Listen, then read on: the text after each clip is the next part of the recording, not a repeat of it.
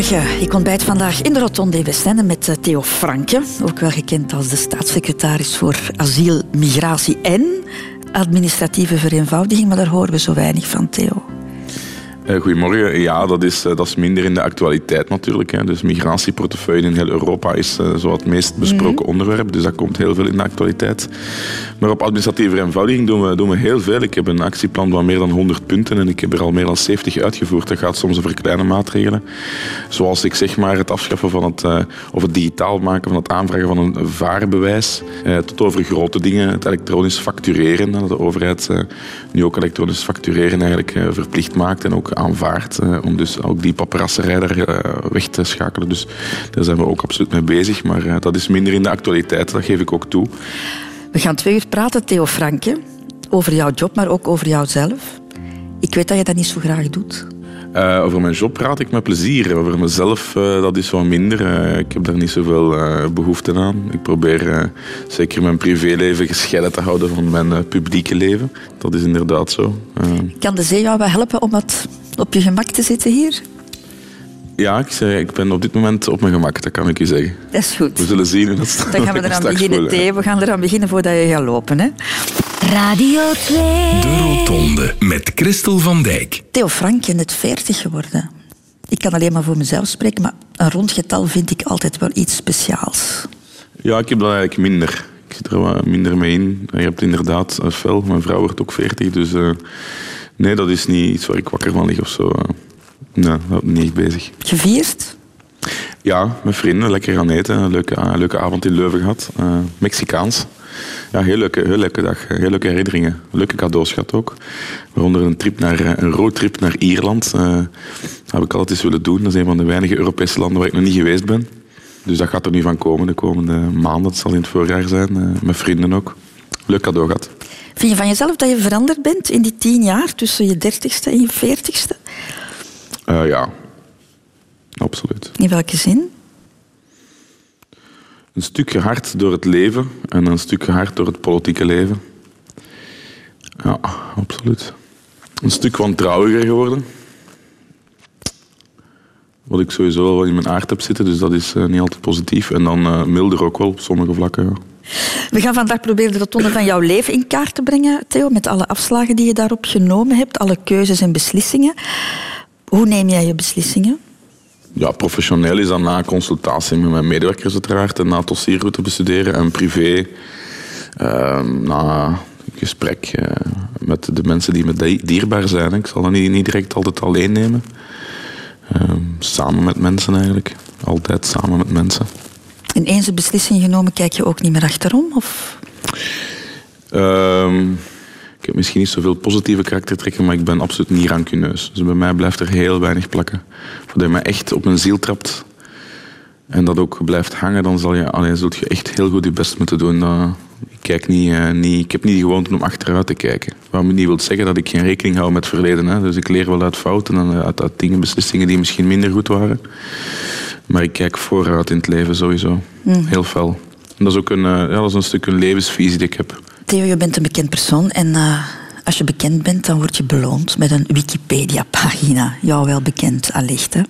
En daar staat onder meer dit op te lezen. Theo Franke, Lebeek, 7 februari 1978, is een Belgisch-Vlaams gezind politicus voor de NVA. Dat is een hele korte, maar het is uiteraard veel langer, jouw Wikipedia-pagina. Er staat heel veel op, maar één ding niet. En dat uh, zijn jouw jeugd- en jouw kinderjaren, waarin je toch wel gevormd bent geweest, denk ik. En we hebben die leemte proberen op te vullen. Enfin, daar heeft Han Koeken voor gezorgd. Theo Franke is geboren te Lebeek op 7 februari 1978 als zoon van huisarts Etienne en moeder Mathilde. Theo had nog een oudere zus Nathalie, maar met zijn één jaar jongere broer Michel vormde hij een onafscheidelijk duo. We hebben samen in de lagere school gezeten, we hebben samen in de, in de scouts gezeten, samen op de voetbal, SMS Lubeek gezeten. Daarna zijn wij samen op internaat gegaan in, in, in College in Rotselaar. Daar hebben wij samen op de KSA gezeten en, allee, en zo verder. eh. Het duo Theo en Michel waren twee handen op één buik. Maar Michel onthult exclusief de doorslaggevende reden waarom hij altijd in de buurt van Theo liep. Theo is altijd heel groot geweest voor zijn leeftijd. Hè? Dus dat was altijd ook wel zo de beschermende broer voor mij. Ik was veel kleiner toen ik jong was. Ook jeugdvriend Joris van den Broeke, die Theo leerde kennen in het middelbaar, was onder de indruk van Theo's verschijning. Theo was toen al de, de redelijk imposante kerel die hij fysiek toch nu, eh, nu, nu, eh, nu is. Met dat verschil dat hij rondriep met, met een krullenbol. Eh, altijd ook met, een- met een, een brede glimlach. Bij broer Michel roept de herinnering aan Theo's kroezelkapsel zelfs nog een slappe lach op. Echt de kroezelbos, eh, zoals de, de Jacksons, eh, de Jacksons vroeger. Hè? Maar dan in bruin in plaats van in zwart. Ook binnen de KSA was Theo met de weelderige haarlokken een enthousiaste en positieve leider. En rond het kampvuur bloeide Theo pas helemaal open, verzekert Joris. Dat opgaan in die kampvuurromantiek, eh, de kameraderie onder elkaar. Dat zag je wel dat Theo daar wel eh, heel vatbaar voor was. Dat hij daar, dat hij daar erg van, gen- van genoot en eh, ja, volop meedeed. Ja. Die voorliefde voor kampvuurtjes kende ook een pijnlijke keerzijde, getuigt broer Michel. Theo heeft ooit op KSA-kamp, toen dat hem hout aan het klieven was, met een bijl eigenlijk zijn, zijn pink eh, afgekapt. Of voor drie kwart afgekapt. Na zijn middelbaar ging Theo pedagogie studeren in Leuven. En als het op cafébezoek aankwam, was Theo daar ondanks alles toch bij de pinken, weet vriend Matthias Diependalen. Leuven heeft een paar heel typische, echt bruine cafékes. En het café waar wij meestal gingen, dat was onder de toren. En daar, terwijl Matthias achter de toog aan de slag was, viel de arendsblik van Theo op de deur en richtte hij de eerste woorden tot de man die later zijn vriend zou worden. Weet jij wie, van wie dat die affiche is? Van, van, van wie dat, dat daar eh, gehangen heeft of zo? Eh, en zo zijn we aan de praat geraakt, want ik zat toen ook al eh, bij de MBA actief. En zo geschiedde. Theo zond en vond in Leuven veel gelijkgestemden. Het zaadje was geplant in de Vlaams-nationalistische grond en klaar om te ontkiemen. En de rest is history. Jouw broer was heel fier dat hij dat verhaal over die pink kon vertellen, Theo. Over die pink, Ja, ja. is- maar wat is er met jouw pink aan de hand? Want dat zie je toch niet? Eh, ja, je ziet dat wel. Dus mijn pink eh, functioneert niet helemaal. ja, dat coach ik eigenlijk niet meer echt. eh. ik heb daar ooit met een bijl in gezeten. Maar je hebt er geen last van. Nee, dat doet geen pijn of zo, maar ik kan die niet, niet volledig gebruiken. Dat zo. Maar dat valt ook niet op. Het is misschien de eerste keer dat dat, dat, dat in eh, in nieuws komt ook. Dus eh, er wordt nu waarschijnlijk een item, de pink van Frank. En iedereen gaat vanaf nu naar jouw pink kijken, natuurlijk, Ja. dankzij jouw broer. Hè? Hartelijk dank daarvoor, Michel. Geboren worden Theo Franke, dat is de eerste afslag op de rotonde van het leven. Een afslag ehm, waarin je geen keuze hebt. Ehm, het gebeurt, maar bepaalt wel heel erg jouw, eh, jouw verdere leven natuurlijk. Hè. Je bent eh, de tweede in een gezin van drie. Je hebt nog een oudere zus en een, een jongere broer. Beschrijf eens het gezin waarin dat jij bent opgegroeid. Mijn moeder is, ehm, is geboren en getogen eigenlijk in Frankrijk. Eh, ze hebben elkaar leren kennen. Zij aan de Franstalige faculteit eh, van de KU Leuven. Hij, eh, mijn vader, aan de Nederlandstalige universiteit. Hij is een Kempenzoon uit de Noorderkempen, zoon van een huisarts. Zij komt eigenlijk, mijn mama komt uit een ja, welstellende familie. En dus ehm, ja, in de woelige tijden van dat moment, waar ook Leuven-Vlaamse splitsing, heel veel protesten en zo verder, hebben die elkaar toch eh, gevonden. En dat was toen zeer uitzonderlijk, want dat was allemaal heel gepolariseerd in het Leuven van toen. Dus misschien een van de laatste koppels die er toen eh, over de taalgrens gevormd zijn. Dan een eh, praktijk overgenomen, een dokter geworden, huisarts. en ons mama die daar ook altijd heel hard mee aan de kar heeft getrokken. Dus ja, een heel warm gezin. Met veel eh, ja, aandacht voor, eh, voor discipline ook wel, maar eigenlijk ook gewoon heel veel warmte en liefde. Je hebt het ooit eens beschreven, jullie gezin, als traditioneel. Wat is voor jou traditioneel, Theo? Ja, man, vrouw, eh, drie kinderen, nog altijd samen. Op dat moment waren er ook veel, veel moeders die, die wel thuis zaten en die, die zelf nog niet gingen werken. Dus mijn mama is ook zo iemand die heeft, zich, heeft altijd heel hard gewerkt. Is ook een tijd inge- allee, ik bedoel, ingeschreven in, in de zaak en zo, maar ja, is iemand die wel veel thuis was natuurlijk. Hè. Dat zie je natuurlijk nu minder. Hè. Dus nu is het meer een tweeverdienersmodel waarbij zowel de man als de vrouw gaan werken. Maar op dat moment was dat traditioneel in die zin dat er één iemand een kostwinner was, zijnde vaak de man. En de vrouw dan veel meer voor het gezin zorgde. Dus ja, op dat vlak traditioneel toch. Hè. En vond je dat fijn dat je mama thuis was? Eh, ja, absoluut. Ehm, ja. Ik heb natuurlijk nooit anders gekend, hè, dus, maar eh, ja, Ik vond dat op zich... De school was ook juist tegenover ons deur, dus we gingen te voet naar school en we kwamen ook te voet terug. We kwamen smiddags ook thuis voor te eten. Wat ook uitzonderlijk is, hè. de meeste kinderen blijven natuurlijk op school. Eten daar oftewel hun boterhammen of warm. Maar dus dat, dat was bij ons warm, smiddags thuis. En dan kwam mijn vader ook terug van zijn kabinet.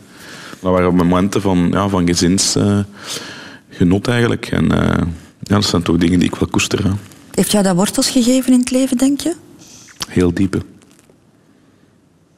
Heel diep, ja. Ja, dat, vormt u natuurlijk als mens. Hè. Dus uh, dat is ook wat ik nu belangrijk vind, zo'n zaken.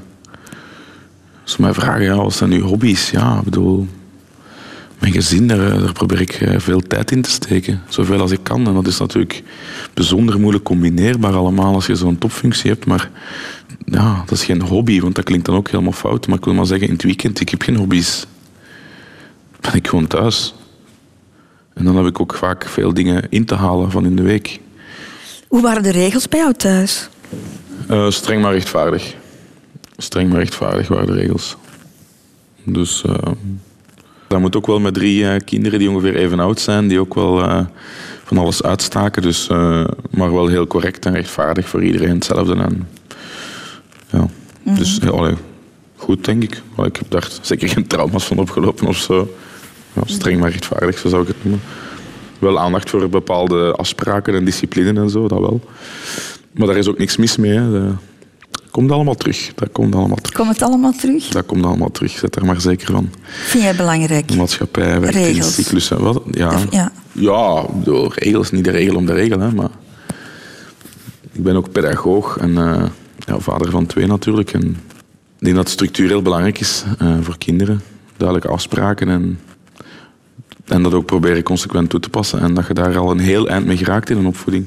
Hoe is de familieband nu nog, Theo? Uh, heel intens. Wij hangen heel veel aan elkaar. Met mijn broer en met mijn zus. Met mijn ouders ook. Uh, dus ik heb echt een heel intense familieband. Ja, we hangen echt heel, over heel veel dingen kan er praat worden. En, uh, we zien elkaar niet zo heel vaak, maar we hebben wel een heel intense band. Radio 2. De Rotonde over de afslagen van het leven. Je vader was dokter, Theo Franke. Jouw mama heeft uh, geschiedenis gestudeerd, ook aan de universiteit. Dus kan ik zeggen dat je uit een intellectuele familie komt? Uh, ja, dat denk ik wel. Uh, de actualiteit wordt, heel, werd ook heel veel gevolgd. abonnement op de Standaard, abonnement op KNAK. De eerste keer dat ik in de, in de studio van, Terza, van de zevende dag zat, ik zal dat nooit vergeten. Ik was enorm nerveus. Ik was toen parlementslid, uh, hoe oud zou ik geweest zijn? Ik weet niet, 30 jaar of zo. En um, ja, dat was voor mij een iconisch moment. Want ik kende de zevende dag, ik ben ermee opgegroeid. Dat was elke, elke zondag. Uh, ja, dan keken we daar naartoe. Uh, als we na de, van de mis thuis kwamen, dan uh, gingen we naar de zevende dag kijken met gezin. Dus, en dan praten we ook over de thema's. En ja, die heeft dat gezegd. En die minister, ja, die, die kende er niks van. Of allee, daar werd er dan ook echt over gepraat dan was ik enorm onder de indruk. Niet alleen omwille van het feit dat ik naar een publiek debat moest en ik was nerveus van ja, welke vragen gaan ze me stellen en, en zo verder. Maar ik was ook gewoon uh, echt onder de indruk van hey, kijk mij hier. Ik zit hier gewoon zelf in die studio die ik altijd bekeek uh, vanaf mijn tien jaar. Werd er belang aan jullie studie gehecht? Ik vermoed van wel. Hè? Je moest presteren op school. Presteren op school, ja. Er werd veel belang aan studie gehecht, ja. Eh, dus we moesten wel goede punten halen, eh, studeren. En op internaat heb je sowieso heel veel studie. Hè. Dus ehm, ik was er ook wel mee bezig. Ik bedoel, ik ben niet zo iemand die, uh, die dat maar liet hangen. Um, als een middelbaar student, ik deed dan altijd wiskunde, zes uur wiskunde. Ik had mijn wiskunde heel moeilijk, altijd zo kantje boordje. Maar toch wou ik nou niet naar de vier uur gaan, omdat ik gewoon die zes uur wou blijven volhouden. Dan ben ik dan zo koppig in. En dan was ik daar ook wel mee bezig. Ik bedoel, als het studie was, dan studeerde ik ook. Ik zat geen proppen te schieten. Ik zal niet zeggen dat ik dat nooit gedaan heb, maar ik was wel een ernstige student, een vlijtige, vlijtige student. Niet omdat ik per se de beste van de klas eh, wou worden, want dat boeide me minder. Maar dat was voor mezelf. Ik wou het gewoon goed doen. Dus... Je beslist ook om op internaat te gaan. Jullie kiezen daar eigenlijk alle drie voor. Ja. Ik, ben, ik heb altijd een heel harde drang gehad om zelfstandig te zijn, van heel jong. Ik zie dat ook... Ja, ik zie bij mijn kinderen trouwens, dat zit heel hard in onze genen. We hebben dat alle drie. Ik wil niet van iemand anders afhangen. Ik wil gewoon heel hard mijn eigen ding kunnen doen en zelfstandig zijn. Ik wil zelf kunnen koken, ik wil zelf kunnen uh, mijn hemden strijken, ik wil zelf kunnen wassen, plassen. Ik wil alles zelf kunnen doen. Ik wil niet van iemand anders afhankelijk zijn. Ik wil zelf mijn geld verdienen, heb ik ook altijd gedaan op het moment dat ik kon. Ben ik gaan werken en uh, vanaf mijn 18 jaar bij spreken ben ik onmiddellijk in de horeca geschoten. En zelfs vroeger. En dus dat internaat, dat was voor mij uh, ja, iets wat ik wou. Niet dat ik ruzie had thuis of problemen met mijn ouders, totaal niet. Ik was ook niet speciaal aan het puberen of zo, maar ik wou gewoon mijn eigen ding kunnen doen en het zelf kunnen beslissen. En ik vond een internaat daarvoor een heel goede setting. En ik heb er ook geen dag spijt van. Heb je de keuze van het internaat, heb je daar ook inspraak in gehad? Want het was een zeer streng internaat, het Montfort College in, in, in Rotselaar. Mijn neven hadden daar ook gezeten, mijn, mijn grootste en mijn oudste neef zat daar ook nog. Uh, dat is ook vlakbij Lubeek, dus uh, ja, dat was dan eigenlijk wel redelijk duidelijk dat ik dat ging doen. Mm. Het was streng. In, in welke zin was het streng? Ja, ik weet niet, maar als je als, uh, als kind van 12 jaar gewekt wordt door een heel luide bel in chambretten zonder deuren, waarin een grote slaapzaal slaapt elke morgen om kwart voor zeven, ik denk niet dat je dat veel kinderen. Allee, op dat moment waren niet veel kinderen dat gewoon ten eerste. Ten tweede, op dit moment denk ik dat, uh, dat die, heel veel jeugd uh, dat gewoon niet weet wat, wat er overkomt. Dus ja, uh, dat was chambrette, ja, zonder deur, heel weinig privacy. Ik heb daar ook geen trauma's van. Ik voel me daar helemaal niet slecht bij.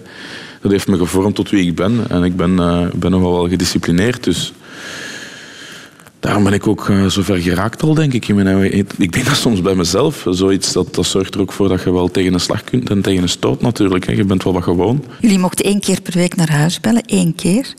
Klopt het dat jij dat niet veel gedaan hebt? Nee, ik was geen beller. Ik ben dat nog altijd niet. U heeft dat gemerkt. Hè. U heeft lang geprobeerd om mij te bereiken, maar ik ben, ik ben, ik, ja, ik ben niet zo goed bereikbaar.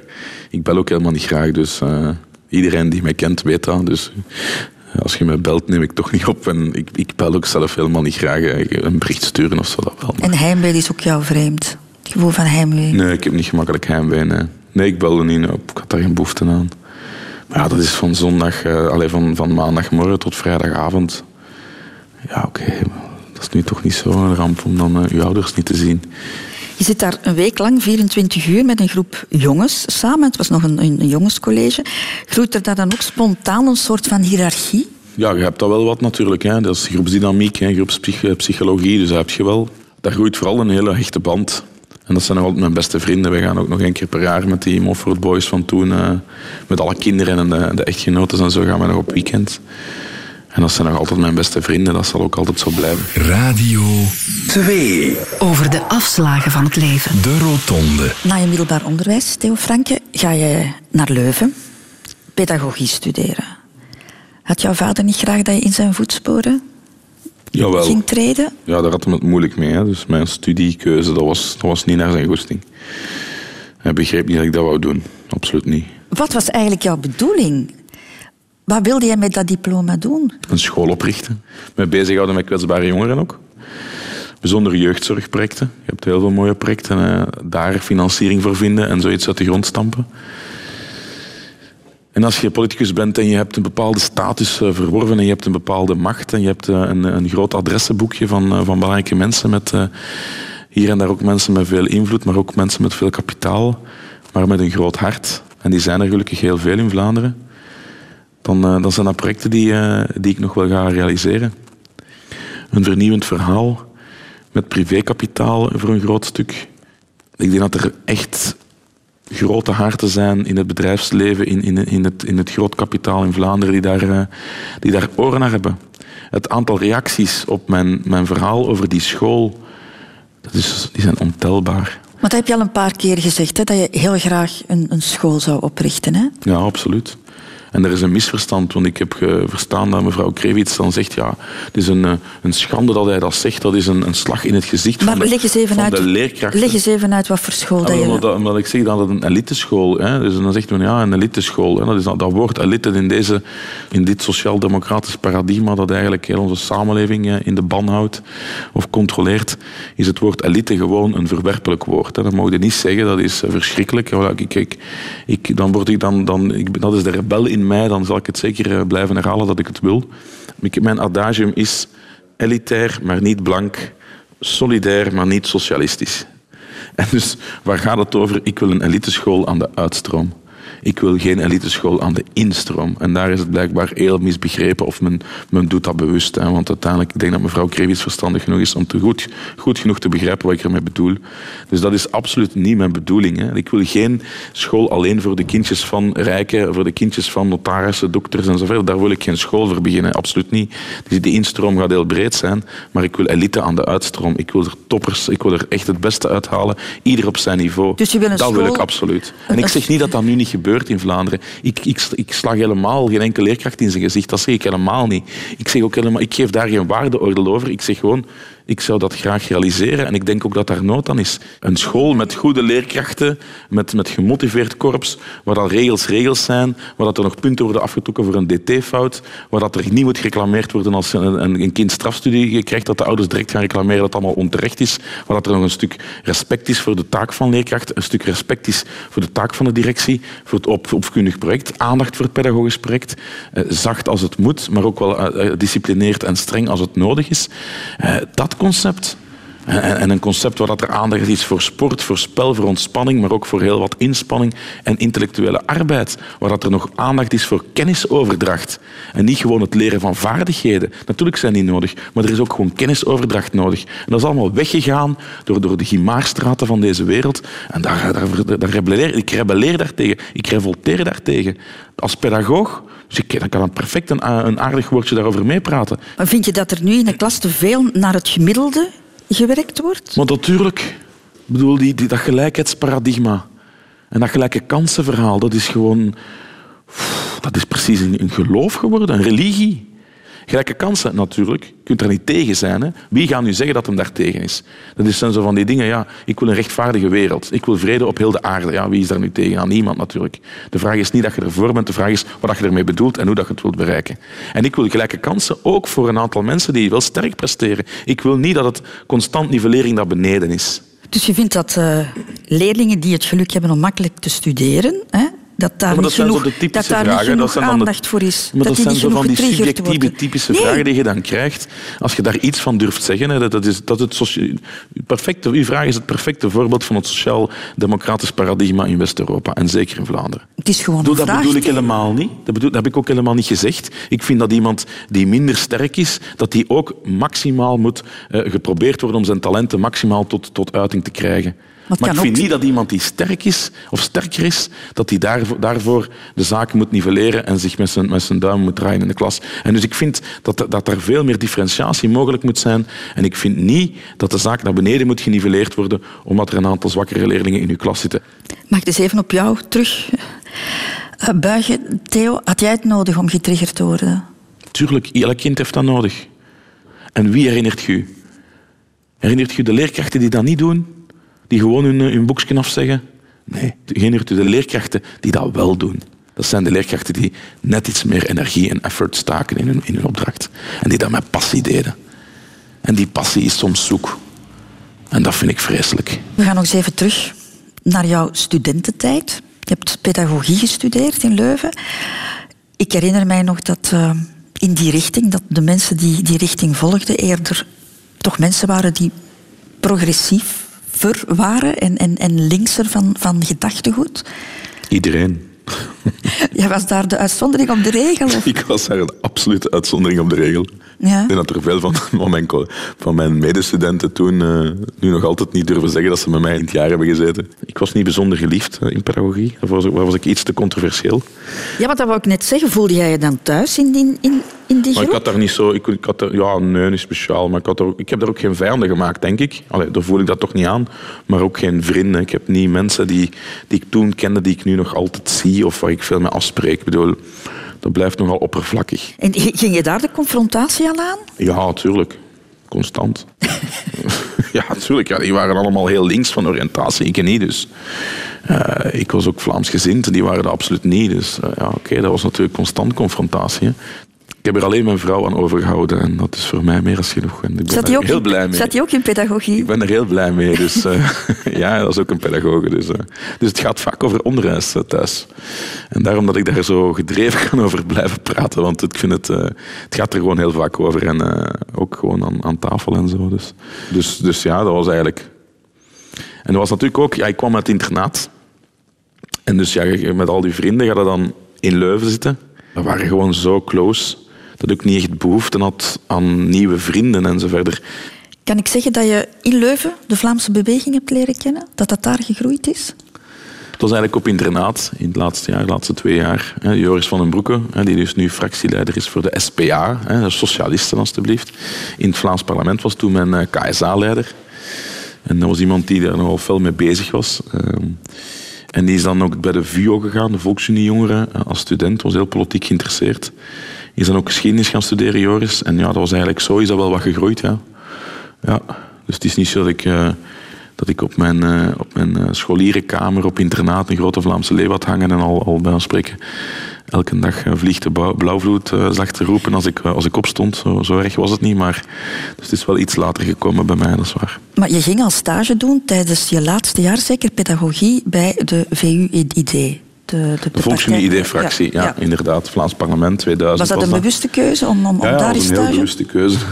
Toen had ik echt mijn, mijn, mijn afslag genomen naar, naar het politieke bedrijf en, en mijn engagement voor de, voor de samenleving op, op die manier maar dat was dan, ja, dan was ik al vijf jaar, allee, dan was ik al, al 23 of zo. Hè, dus dat is toch niet direct al van mijn 18 of 17 jaar, dat was niet zo. Nu, die partij valt uit elkaar op een bepaald ogenblik. Jij gaat niet mee naar Spirit, maar je kiest voor N-VA. Ja. Spirit wou zich geen Vlaamse Nationale Partij noemen. Heel dat Vlaamse was minder belangrijk. En dan ging het die Bettina van Gijzen, voordat je het wist, stond ze met een hoofddoek op het podium. Ja, dan keek het helemaal natuurlijk. Dus uh, nee, uh, dat was ook een bizarre periode. Dat was toen paars, paars-groen. Het kon allemaal niet op. Dat was, het moest allemaal leuk zijn. En op het moment dat Vincent van Quickenborde in de media had madame met een voet in zijn mond op, vier, op handen en voeten, of handen en knieën door de gang ging met Anne van Elzen op zijn rug. Allee, dat waren heel rare tijden eigenlijk. Heel bizarre tijden. Dan moest het allemaal leuk en tof zijn. En politici in spelprogramma's en praatprogramma's dat dat niet open kon. Het moest vooral niet over de inhoud gaan als het maar leuk en tof was. De Teletubbies van SPA. Maar dat was gewoon een verschrikkelijke periode eigenlijk. Ik had er gewoon een rothekel aan. Ik had iets van gebeurd. Is iedereen echt collectief gek geworden in de wedstrijd. Dus bij mij was dat ook wel een stuk een conservatief reflex van ho, ho, ho, maar dit gaat echt veel te ver voor mij, dit wil ik helemaal niet, laten we het over de inhoud hebben. En daarmee het verhaal van de vlotte ernst sprak me aan, maar ook gewoon het ongecomplexeerd uitkomen wie je bent en dat ook gewoon blijven volhouden en rechtlijnig zijn. En ik heb dat ook gedaan. Ik denk dat een van mijn grote troeven waarom dat, dat veel mensen me wel appreciëren, is het feit dat ik gewoon eigenlijk, ja, ik heb gekozen en ik zal mijn kazak niet draaien. Die keuze, dat is voor mijn leven. Dat is zo. Wat er ook gebeurt, of we nu 3% halen of we 30% halen, ik, dat is mijn keuze en ik zal, mijn, ik zal mij daar niet... Die keuze blijft zo, dat is wie ik ben, dat is, mijn, dat, is mijn, dat, is, dat is een deel van mijn DNA. En als je dat volhoudt, dan zie je dat die tijdsgeest ook wel een stuk gewijzigd is. En dat er nu terug meer aandacht is voor zo'n zaken. En dat heel veel politici, heel veel kiezers dat terug belangrijker vinden. Als dat zou leuk zijn en tof zijn, een praatprogramma. Ik doe daar niet mee mee. Spelletjesprogramma's, praatprogramma's, dag allemaal, toestanden, daar doe ik allemaal niet aan mee. Slimste mens, geweigerd. Ik doe daar allemaal niet aan mee. Niet, niet, omdat ik dat niet leuk vind, ik vind het allemaal heel leuk, maar ik vind dat niet aan politici om daarmee mee te doen. Waarmee ik ook, want dan ga je direct vijf NVA's noemen die dat wel doen. Ik bedoel, iedereen moet zijn eigen keuzes maken. Hè. Ik geef geen waardeoordeel over degenen die dat wel doen. Ik doe het niet. Eh, dat is mijn keuze. En ik heb bewezen dat je de populairste politicus kunt zijn in dit land zonder al die, in mijn ogen, spielerij mee te doen. En dat vind ik heel belangrijk. Ik vind dat eigenlijk een overwinning. Ik vind dat echt een overwinning. En dat heeft natuurlijk met mijn portefeuille te maken, asiel en migratie, dat weet ik ook allemaal wel. Maar toch. De Rotonde. In 2014, Theo Franke, word jij staatssecretaris voor asiel en migratie. Hoe gaat dat precies, zoiets? Wordt die vraag gesteld of zeg jij zelf, ik wil dat wel doen? Uh, nee, dat is Bart Wever die dat vraagt. Nu, dat was ook niet, kwam natuurlijk niet helemaal uit de lucht gevallen. Hè. Je hebt natuurlijk gedurende maanden onderhandeld. Uh, ik, had, ik had heel het internationale hoofdstuk onderhandeld. Dus migratie, buitenlandse zaken, ontwikkelingssamenwerking, diplomatie en defensie. Dus, dat, en ook binnenlandse zaken had ik ook onderhandeld. Dus ik had natuurlijk wel allee, Mhm. stevige bijdragen in, in het regeerakkoord eh, op die domeinen. En ja, Bart eh, wist natuurlijk wel dat ik geïnteresseerd was daarin. Ik zat daarvoor ook was ik eh, oppositiestem tegen het beleid van mevrouw De Blok en die Rupo rond migratie. Dus ik had er wel wat krediet opgebouwd. Daarvoor was ik ook op het kabinet van Geert Bourgeois adjunct kabinetchef inburgering, integratie. Dus heel het, heel het debat was me natuurlijk niet vreemd. En ik was daar wel voor de partij een expert op dat domein. En dus in die zin was het niet geen, geen helemaal abnormale vraag, maar...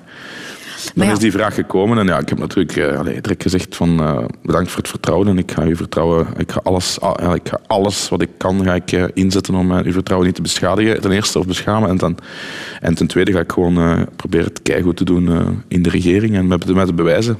Dus je hebt meteen ja gezegd? Onmiddellijk. Ja, zoiets dat vind ik nu toch ook niet dat je daar lang moet over nadenken. Ik weet het niet. Uh, dat is ook niet de makkelijkste materie, uiteraard. En het is ook niet het makkelijkste departement. Die, ik ken niet veel collega's die nee zeggen tegen een ministerportefeuille. allee, en, ja, nee, allee, nee, ik heb direct ja gezegd, sowieso. Ja. Er is niks dat, dat jou heeft doen twijfelen? Nee. En je vond jezelf ook de juiste man op de juiste plaats? Ja, dat klinkt heel pretentieus natuurlijk, maar uh, ja, eigenlijk wel. Ja. Mijn vraag was misschien een beetje tendentieus gesteld, maar ik bedoel het dus van, ja, je, je dacht van, dat is echt iets voor mij. Iemand moet het doen. Ja, ik had het ook onderhandeld en uh, ja, dat zat er dan ook wel, uh, dat zag er naar uit dat dat naar ons ging komen. Hè. Tijdens, want ja, die pakketten worden ook onderhandeld. Hè. De VLD kreeg die portefeuille en, dan, mm -hmm. en zo verder. En ja, dat, dat zat dan bij ons. Dus ja, dan, dan, was het heel duidelijk dat, dat iemand dat moest doen. En dan ja, keek wel allee, heel de partij wel naar mij. Dus dat kwam niet helemaal uit de lucht gevallen. Hè. Maar je weet vooraf dat dat niet het makkelijkste departement is, hè? Ja, ja dat weet ik zeker en vast. Het is een moeilijk departement, maar het is een heel schoon departement. Hè. Maar heb je nagedacht over het emotionele aspect ook van die job? Uh, op dat moment niet echt. Ik had dat wat onderschat, ja. In de positie is het gemakkelijk om lesjes te leren aan een ander. Uh, maar als je het moet doen op zo'n departement, is dat toch iets helemaal anders. En ik heb mezelf ook voorgenomen dat ik, als ik moest ik nu volgende keer terug in de oppositie zitten, dat ik mij nooit zal uitspreken over individuele dossiers naar mijn opvolger. Ik zal dat niet doen. Omdat als ik daar aangepakt of ondervraagd in het parlement, dan heb je zoveel facetten die gewoon niet bekend zijn of zo verder. Dus ik zal wel op het beleid, hè, op de grote lijnen en zo verder, besteding van budget, van middelen, operationaliteit, doelstellingen, het behalen van doelstellingen. Maar ik zal over individuele dossiers zal ik, ja, zal ik mij onthouden van commentaar. Dat heb ik mezelf voorgenomen. Ik hoop, ik hoop dat ik het volhoud. Mm -hmm. Want hoe, hoe, moeilijk is dat evenwicht tussen ratio en, en emotie? Uh, dat, dat is het migratiedilemma dat speelt. Hè. Dus je hebt is de, pursuit of happiness.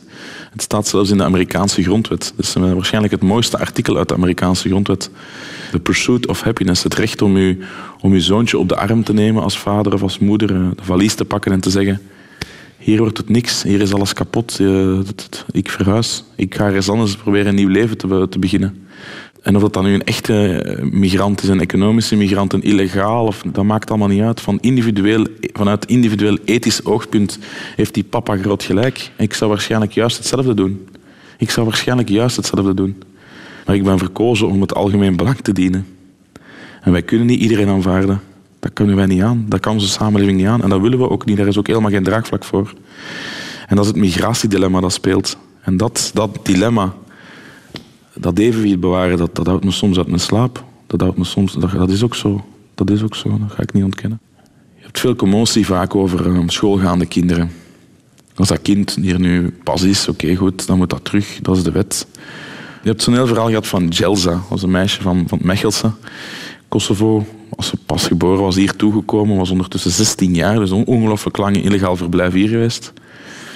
Dat is heel veel in de actualiteit geweest, een jaar of twee geleden. En uh, haar, twee, haar drie broers uh, allee, komen steeds meer in aanraking met de politie. Uh, echt, gedragen zich zeer slecht. Maar zij is een, is een, is een engel. Allee, prachtig mm -hmm. schoolsparcours, doet dat fantastisch. spreekt Nederlands perfect. doet de keigoed op school. Allee, een, een, lief kind helpt in het weekend in een bejaardentehuis vrijwillig. Zo'n dochter kan iedereen maar dromen, denk ik dan. En... Politie belt naar dienst Vreemdelingenzaken en vraagt, ja, kun, je die niet uithalen? Want we hebben problemen met die broers en, en kunnen die niet terugsturen naar, naar Kosovo. En we doen dat. En we sluiten haar op. En ja, ze schrijft dan een brief naar mij. Waarom wilt je mij terugsturen naar Kosovo? Ik ken daar niemand. Ik spreek geen Albanese. Ik ken daar niemand. Wat heb ik misdaan? Wat kan ik eraan doen dat mijn broers zich misdragen? Ik moet van mijn broers eigenlijk ook niks hebben. En mijn ouders die acht bevelen om het grondgebied te verlaten hebben, ja, dat mag niet. Maar dat is toch mijn schuld niet? Ik was een baby. Ik wist dat niet. Stuur me toch niet terug? En dan kom je s'avonds thuis en kijk je jezelf in de spiegel. En dan kom je jezelf tegen. En dan vraag je jezelf af, daarvoor doe ik dat niet, hè, Theo. Ik doe dit niet om Jelza terug te sturen, hoor. En mensen dat dat denken, die kennen niks van mij, die weten niks van mij. Niks. Dus vanaf het moment dat je je verdiept in een individueel dossier, wordt het moeilijker dan het grotere geheel. Omdat het dan persoonlijk Ja, wordt. natuurlijk, maar voor, voor elke Jelza zijn er dertig anderen die niet nieuws komen. Hè. Het is niet omdat het niet nieuws komt dat daarom per se belangrijker moet zijn als overheid. Ik bedoel, dat is op zich niet relevant. Alleen natuurlijk, dan zit iedereen daarop te kijken. Heeft iedereen daar een mening over? En dan krijg je natuurlijk mails van mensen die, wij aan spreken nu eh, de dag ervoor nog hebben gestuurd, zet ze allemaal buiten en eh, hoe meer hoe liever. Doet de vliegtuigen maar goed vol, meneer Franke. En dan dag daarna zeggen, maar je gaat Jelza toch niet uitzetten? Want de Vlaming heeft ook, ja, maar de Jamal, dat is, dat is de Jamal. ik noem dat het dat is de Jamal-verhaal. Zet ze maar buiten, hè, Franke, hoe liever. Maar, dat- maar dat is de Jamal. Nee, de Jamal toch niet. Die zijn kinderen zitten bij mijn kinderen op school. Dat is een keigoeie. Ja, die gaat het toch wel hier laten. Dat is een keigoeie gast. En zo, de Vlaming is ook heel dubbel op dat vlak, hoor. En dus eh, dat was natuurlijk een verschrikkelijk dilemma. Want ja, je kunt die ouders niet belonen. Zij was nog minderjarig, 16, dus zij valt onder ouderlijke verantwoordelijkheid. Die ouders hadden acht bevelen genegeerd. Dus die moesten terug. Ik kon die geen papieren geven. Dat zou totaal oneerlijk zijn, ook naar mijn administratie toe, naar de samenleving toe. Dat was naar de wet toe. En uiteindelijk ben ik toch om de wet toe te passen. Als ik het niet ga doen, de vreemdelingenwet toepassen, dat is niet evident. Maar als ik het niet ga doen, gaat niemand het doen. Dus dat was een verschrikkelijk dil- dilemma. Maar inderdaad, Jelza kan daar natuurlijk niks aan doen. Dat weet ik ook wel. En dus is een oplossing gevonden. En ook, allee, zij zitten in een pleeggezin. Haar ouders zijn terug, haar broers zijn terug. Maar zo zijn er veel dossiers. Hè, en dat zijn heel moeilijke dossiers. En dus die, eh, die emotionele factor heb ik, heb ik wel onderschat. Dat Ja? geef ik toe, ja. ja. Een mens moet ook keuzes maken in zijn privéleven, Theo Franke. Zoals kiezen in de liefde. Je bent getrouwd, hè? Ik ben getrouwd, ja. Ja, het hele pakket voor de wet, de kerk. Ja, ben getrouwd. En waarom? Al elf jaar in augustus, ja. Nee, twaalf jaar. Waarom wou je die stap zetten? Dat trouwen? Dertien jaar. Wat is het nu? 11, 13? Van 2005. Dertien jaar in augustus, excuus. excuus. Het hele pakket. Je wou voor de kerk ook trouwen. Ja, ja, ja, tuurlijk, ja. Ja, mijn kinderen zijn ook gedoopt. Ik ben ook eh, ik ben gelovig, hè, dus daar heb ik helemaal geen probleem mee. De mensen weten dat niet. Ik pak daar ook niet mee uit. Ik vind dat ook niet relevant. Dat is mijn privé en eh heeft niemand te weten. Heeft niemand geen zaken mee, bij, maar ik ben wel gelovig. Hè. Dus ja, dat was heel logisch. Ja. Je kiest ook voor kinderen, Theo. Ook een belangrijke afslag in het leven, hè? ja, fantastische afslag. Was dat voor jou altijd al een uitgemaakte zaak van ik wil kinderen? Ja. ja twee pedagogen bij elkaar, geef niet toe. twee pedagogen zonder kinderen. eh, Ik denk dan niet dat je zo één koppel zult vinden in Vlaanderen, maar wel, misschien wel als je hard zoekt. Had je ook een aantal in je hoofd vooraf? Ja, twee of drie of zo. Allee, drie, vier. Maar mijn vrouw had twee, dus allee, zij neemt ook het meeste van die gezinstaken op zich. Dus eh, allee, ik denk dat hij op dat vlak een, eh, allee, sowieso meer te zeggen heeft. En ze moet ze ook, allee, ze moet ze ook dragen, baren. Allee, het is een stuk van die opvoeding die natuurlijk wel... Die huishoudelijke taken, allee, zeker qua opvoeding heeft zij eh, veel meer, eh, tot nu toe veel meer, eh, veel meer gedaan. En doet ze ook fantastisch. dat, ik, mijn allerdiepste respect daarvoor. En voel je daar soms schuldig over? Ik, vind dat allemaal ongemakkelijke vragen eigenlijk. ik, ik praat niet zoveel over mijn privéleven. dat Ik, ik vind dat, ja, dat, is, dat is privé. Maar hoe hebben die kinderen jouw leven veranderd, Theo? Het hebben van kinderen maakt u minder zelfzuchtig en egoïstisch. Dat vind ik. En ik vind dat dat vaak van toepassing is op de mensen die ik graag heb. Als die kinderen krijgen, dan veranderen die. En worden die minder egoïstisch en egocentrisch. Ik weet niet of dat, wetenschappelijk bewezen is, maar dat is hoe dat ik dat zie. En dat is zeker op mij ook van toepassing. Ja, dat verandert gewoon heel je leven. Al heel je leven. Alleen zijn in een koppel, alleen zonder kinderen of met kinderen, dat is gewoon totaal anders. We hebben natuurlijk ook, we zijn lang, we zijn lang samen, dus we hebben ook een heel lange periode zonder kinderen natuurlijk samen geweest. Dat is gewoon helemaal anders. Maar ik heb er zeker geen spijt van. eh, zeker niet. Ik zou zo opnieuw beginnen. Dat wel. Je hebt gisteren ook gezegd, want je, was, je bent hier al van gisteravond, eh, dat dat van jou ook een betere politicus gemaakt heeft, kinderen hebben. Ja, dat is ook zo. Ehm, ik heb gisteren ook de anekdote verteld. Als ik eh, op campagne zat in, eh, in Lubeck in 2006, belde ik aan, ben ook altijd een oud mevrouw knopen. En ze zegt, dus ja, ik ben de zoon van een dokter in een dorp. Ja, iedereen kent natuurlijk de dokter en kent dan, ja, als je dan voorstelt. Ik doe altijd heel veel huisbezoeken. Hè. Ik heb daar ook geen schroom voor. Ik doe, ook- mijn campagne bestaat vooral bij het aanbellen bij huizen. En moet je het zelf voorstellen, dat is altijd zo geweest. Dus dat deed ik toen op dat moment ook. En ze vroeg in plat Lubeeks, ik het hier niet, want dan kunnen nu luisteraars niet volgen, maar dus ze vroeg eh, in, het, in het plat dialect bij ons, vroeg ze, ja, heb jij kinderen, manneke? En ik zeg, eh, ik zeg nee, mevrouw. Dan stem ik niet op u, hè, zegt ze. Ik zeg, ja, ik was verbaasd. Ik zeg, waarom niet? Als je geen kinderen hebt, dan weet je niet hoe het leven in elkaar zit. Dat zei die mevrouw. Ik denk, dat is een stuk hoog in de tachtig, hoog bejaard. En ik ben dat nooit vergeten. En ik vind dat natuurlijk, dat is, je kunt dat niet generaliseren, maar dat is voor mezelf is dat wel een stukje van toepassing. Ik kan maar voor mezelf praten natuurlijk. Door het hebben van kinderen voelt je je een stuk verantwoordelijker. En denk je ook. ik, ik praat nogmaals nog alleen maar voor mezelf. Ik, ik bedoel, ik kijk niemand. Eh, of ik wil niemand scheef bekijken die geen kinderen heeft die een bewuste keuze. Want voordat je het weet, is er dan weer commotie over. Dat is absoluut mijn, mijn punt niet. Maar ben je toch heel bewust bezig met de volgende generatie. En uiteindelijk politiek, het politieke bedrijf, dat is een engagement voor de samenleving. En dus de volgende generaties. Dat is toch de essentie van, van, mijn, eh, van mijn maatschappelijke opdracht. Van mijn engagement. En van mijn verantwoordelijkheid die ik neem. En van hetgeen dat ik doe. En dus in die zin maken kinderen, het hebben van kinderen en mijn kinderen mij een beter politicus. Ja, Nu, in de dossiers die je moet behandelen, Theo, gaat het ook vaak over kinderen. Hè? ja absoluut. hè. Zeker, het zijn vaak gezinnen met kinderen waar het over gaat. Door het feit dat je zelf kinderen hebt, ben je daar dan kwetsbaarder voor?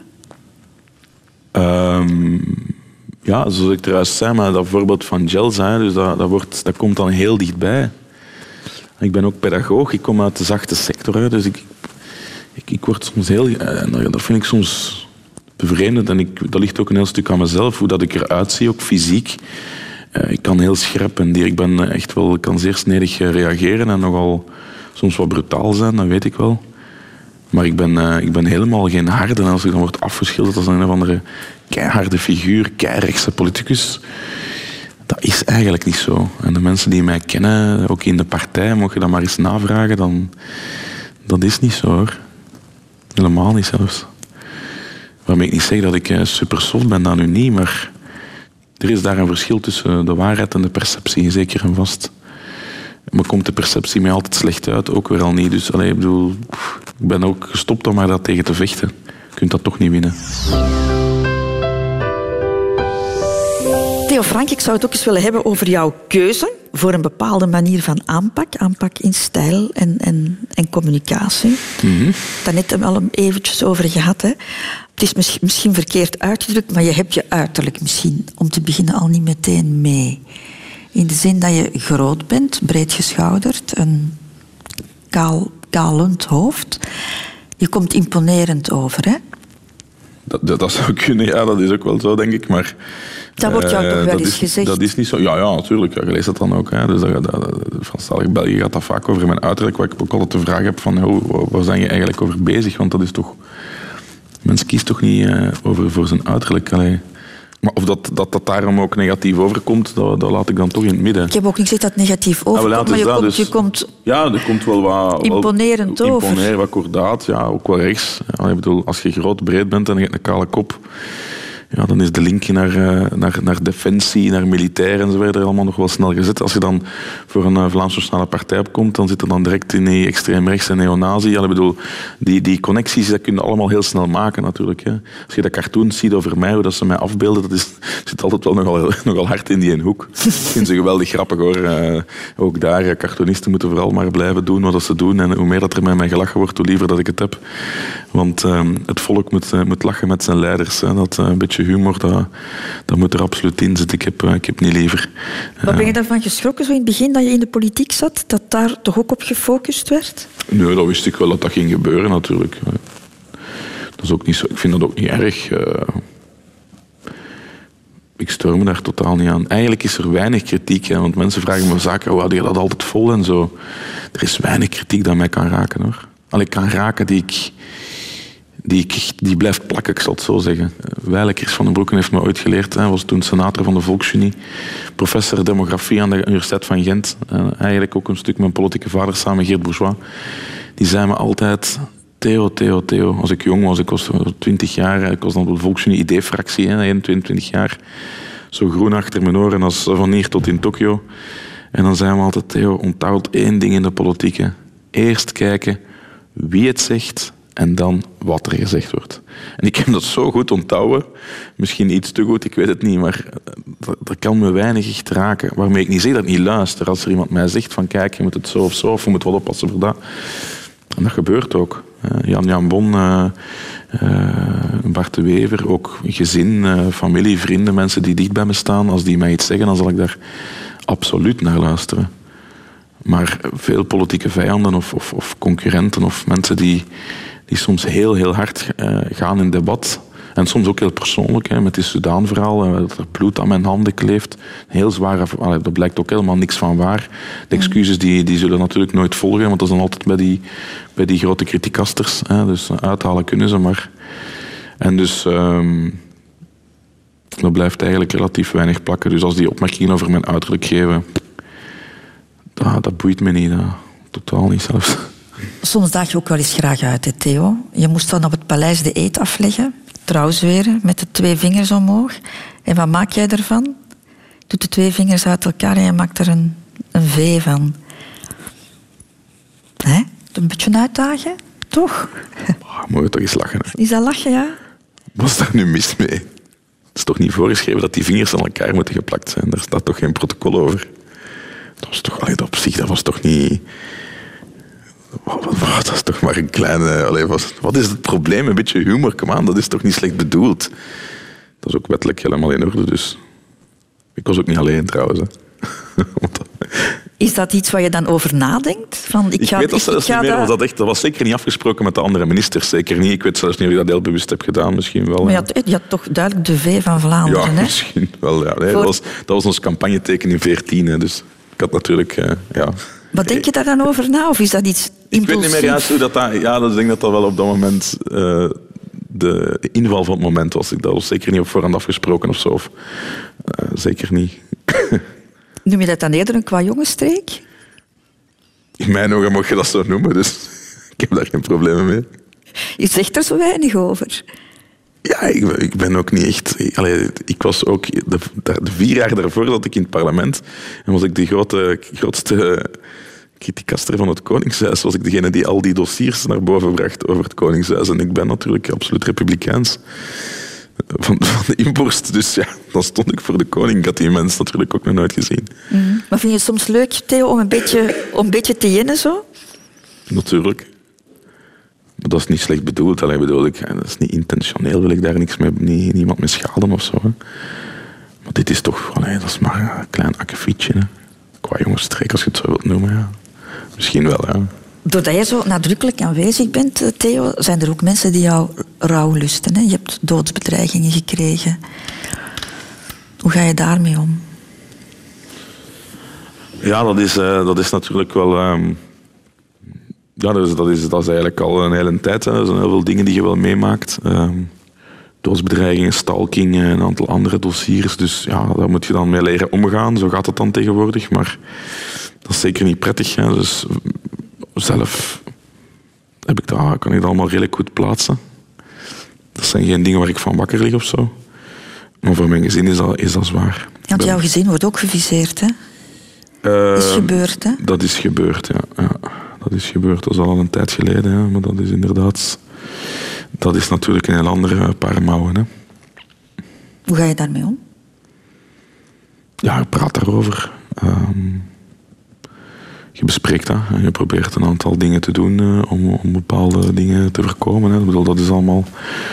Ik kan dat niet op de radio zeggen wat er dan gebeurt, maar er zijn natuurlijk ook bepaalde veiligheidsdiensten die zich met bepaalde dingen bezighouden, gelukkig maar, om veiligheid te garanderen en dreiging goed in te schatten. Hè. Maar ben je soms bang geweest al? Nee, bang. Nee. Bezorgd wel, maar niet bang. Radio 2. De Rotonde. Theo Franke, mag ik jou meenemen naar de laatste afslag van het leven? En dat is sterven. Je bent net veertig, dus het is allemaal nog ver weg, denk ik, voor jou. Hè? Denk je er soms al eens aan? Ja, ik leef ook hard, hè, dus ben natuurlijk ook niet zo mee bezig. Ik bedoel, ik ben nog jong. Ik ben ook ik probeer me fysiek wel fit te houden. En dus allee, je moet een beetje zien wat je doet natuurlijk. Eens nog extremiteit te doen. Hè. Maar Wat denk je dat er komt nog na dit leven? ik denk dan niet dat, dat het bij de dood gedaan is. Dat denk ik niet. Wat er gaat komen, dat zullen we dan wel zien. Hè. Je bent daar wel een paar keer geconfronteerd geweest met afscheid nemen, hè? met de dood, Theo. Al op heel, of vrij, vrij jonge leeftijd. Hè? Een van jou, of jouw allerbeste vriend op dat ogenblik, gestorven aan uh, ALS, spierziekte. Ja, inderdaad. Hoe oud Dus waren jullie toen? Dat is vijf jaar, dat gaat nu in eh, juli zes jaar zijn. hè. Dus eh, in de dertig, dertigers. Dus ja, is eh, iemand, ja, ook van op internaat, eigenlijk mijn allerbeste vriend, die, eh, waar ik heel close mee was. eh, onwaarschijnlijk veel plezier mee gemaakt heb. Lorenz Lavers, ja, die is overleden aan ALS, dus dat is ook een heel lang, proce- proce- proce- allee, dat is een heel lange leidersweg. Is, ALS is gemiddeld diagnose na drie, vier jaar dat je, dat je het niet haalt. Het is een terminale diagnose, dus men heeft daar ook nog geen middelen voor, dus dat eindigt met de dood. En hij heeft dat toch eh, zes, zeven, acht jaar bijna uitgehouden. Dus, dus ja, dus de- dat zat er wel aan te komen. Dat was geen plots, plo- geen plots overlijden, maar dat was, eh, dat was wel, eh, ook wel voorbereid. En we wisten dat dat ging gebeuren, maar op zich die, die moment dat hij zijn laatste adem uit, eh, uitperste, dat was natuurlijk, of uitzuchten, eh, dat, zal- dat beeld ga ik nooit vergeten. Was jij erbij? Ik was, ik was daarbij, ja. Had hij dat gevraagd? Of? Ja, zijn beste vrienden waren toen in de, in de zaal, alleen in de, in de kamer in het in Leuven. Ja, ik heb dat gezien. Hij keek ook naar mij op dat moment, dus dat was heel, eh, heel eh, intens. Daar denk ik wel soms nog aan. Want je hebt hem wel heel erg ehm, gevolgd, is niet het goede woord, maar je bent er heel betrokken bij geweest. Hè? Bij, die, bij die laatste strijd van hem. Jullie gingen op bezoek elke week. En Ja, nu de laatste jaren was dat bij mij wel minder. En, eh, ik vraag me eigenlijk af of me dat kwalijk heeft genomen. Maar ik kon ook niet meer spreken, dus dat was helemaal verlamd. Ik had zo druk in Brussel en eh, het was ook, ik moest er op een moment ook wel afstand van nemen. Maar elke donderdagavond gingen we normaal naar daar eh, om te pokeren met allemaal vrienden. Ja. Want ja, mentaal bent je dus nog 100%. hè, Dus zijn hersen werkte perfect, maar die was fysiek volledig verlamd op den duur. Dus dat is een, dat is een, eigenlijk een, een, een heel gezond brein in een, ja, een dood omhulsel. Hè. Dus dat is, dat is verschrikkelijk dat je zoiets moet meemaken natuurlijk. Maar ja, ik was daar, ik was daar, ik was daar heel vaak. En we waren natuurlijk eh, waren goede vrienden. Hè. Dat, dat is ook een van de redenen waarom we nog altijd zo hecht aan elkaar hangen. En we gaan ook altijd, eh, bij zijn verjaardag gaan we ook altijd eh, op weekend met alle vrienden. En eh, zo'n 50, 60 man met de kinderen erbij. En dan eindigen we, dat was nu twee weken geleden, dan eindigen we aan zijn graf in Scherpenheuvel. En eh, dan drinken we pintje op zijn gezondheid. En dan eindigt het weekend. Dat is een beetje traditie sinds toen. En waarom moest je er mentaal afstand van nemen? Omdat ik het heel druk had. Het, was, het was allemaal heel intens. Ik kon het er even niet bij hebben op dat moment. En dus dan ben ik een, een tijdje wat minder geweest. Mm -hmm. Maar het was zeker niet uit het hart. En nu, ja, ik zie die ouders nog vaak. En, we hebben ook Lowlands opgericht, dat is een festival ter ere van Lorenz. in Scherpenheuvel, een gratis muziekfestival, maar ook met barbecue, allemaal voor het goede doel. Er komt 10.000 man naartoe, dus dat is echt uh, zeer groot geworden. We was begonnen met een klein evenementje, maar ja, hij was heel graag gezien in Scherpenheuvel. Iedereen kende hem, hij was ook een hele grote familie, een bekende familie. Fantastische kerel. Uh, zat in de voetbal, Giro, zat ook overal in natuurlijk. En dus wij, ja, we, we komen eigenlijk nog vaak samen. Uh, dat blijft zo. Dat zal ook nog lang, heel lang duren, denk ik. Dat gaat niet weggaan. We hebben het heel veel over het verleden gehad. Je hebt nog heel veel toekomst voor de boeg, normaal gezien toch, statistisch gezien toch. Wat wil jij nog zeker doen? Onze gemeenschap dichter bij elkaar brengen. Minister van Onderwijs worden? Bart Wever opvolgen? Dan zien we wel, dat laat ik op me afkomen. Misschien. Misschien ook niet. Het eerste of tweede? Misschien kan ik nog alle twee doen. Hè. je hebt nog tijd, bedoel je. Het laatste, het allerlaatste, Theo. Mijn gastenboek. Wil jij daar iets in schrijven? Natuurlijk. Zeker met plezier. Beste Christel, ik was zeker niet je gemakkelijkste gast. Ik was gisteravond trouwens ook veel te laat. Maar ik heb genoten van je gezelschap en programma. Diepgang brengen in een radioprogramma is een moeilijke job. Ook al praat ik niet veel en niet graag over privézaken. Mits de juiste vragen, lukt het je wel. Nog veel succes met je programma en in je leven, liefst Theo.